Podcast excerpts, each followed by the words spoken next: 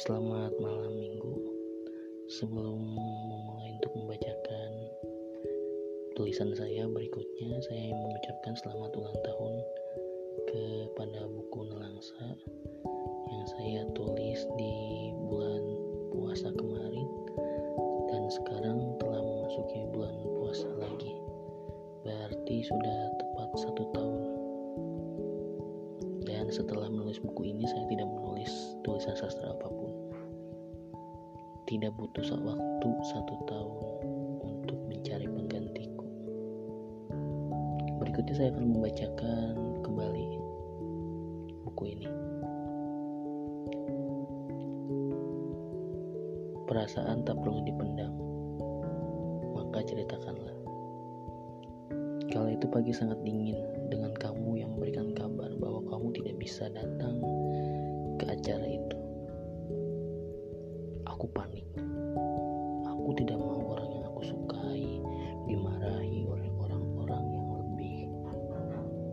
Di atas dia karena di acara itu mendidik mental dan disiplin. Aku sebagai mungkin pergi ke daerahmu. Ya, Bandung sangatlah dingin sewaktu pagi. Bahkan sebelum ajan subuh tiba, aku telah sampai di tempat yang sering aku mengantarkanmu pulang. Ya, di situ kau selalu menungguku. Setelah itu kita pergi berdua menyusuri jalan yang hening dan dingin. Mungkin kau sudah lupa perihal itu. Aku selalu mengingatnya dan aku tuliskan hal itu. Terlalu pagi saat kita datang, tidak ada siapa pun kala itu. Akhirnya kita memilih duduk berdua,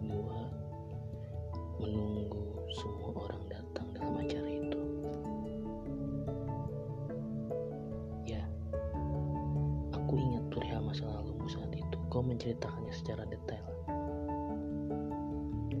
Kau pernah menjalin sebuah hubungan komitmen dengan seseorang akan tetapi itu adalah sahabat kamu sendiri setelah dia mau lulus ujian dia pergi meninggalkanmu dengan alasan ya aku tidak mau melanjutkan hubungan ini karena aku mau fokus ujian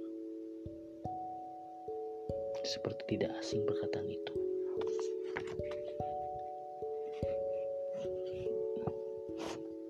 pria yang kau sukai menghilang saat ia mengatakan aku ingin fokus.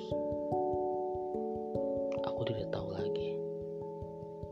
Mungkin luka itu membatin di hatimu sehingga sehingga kita tidak dapat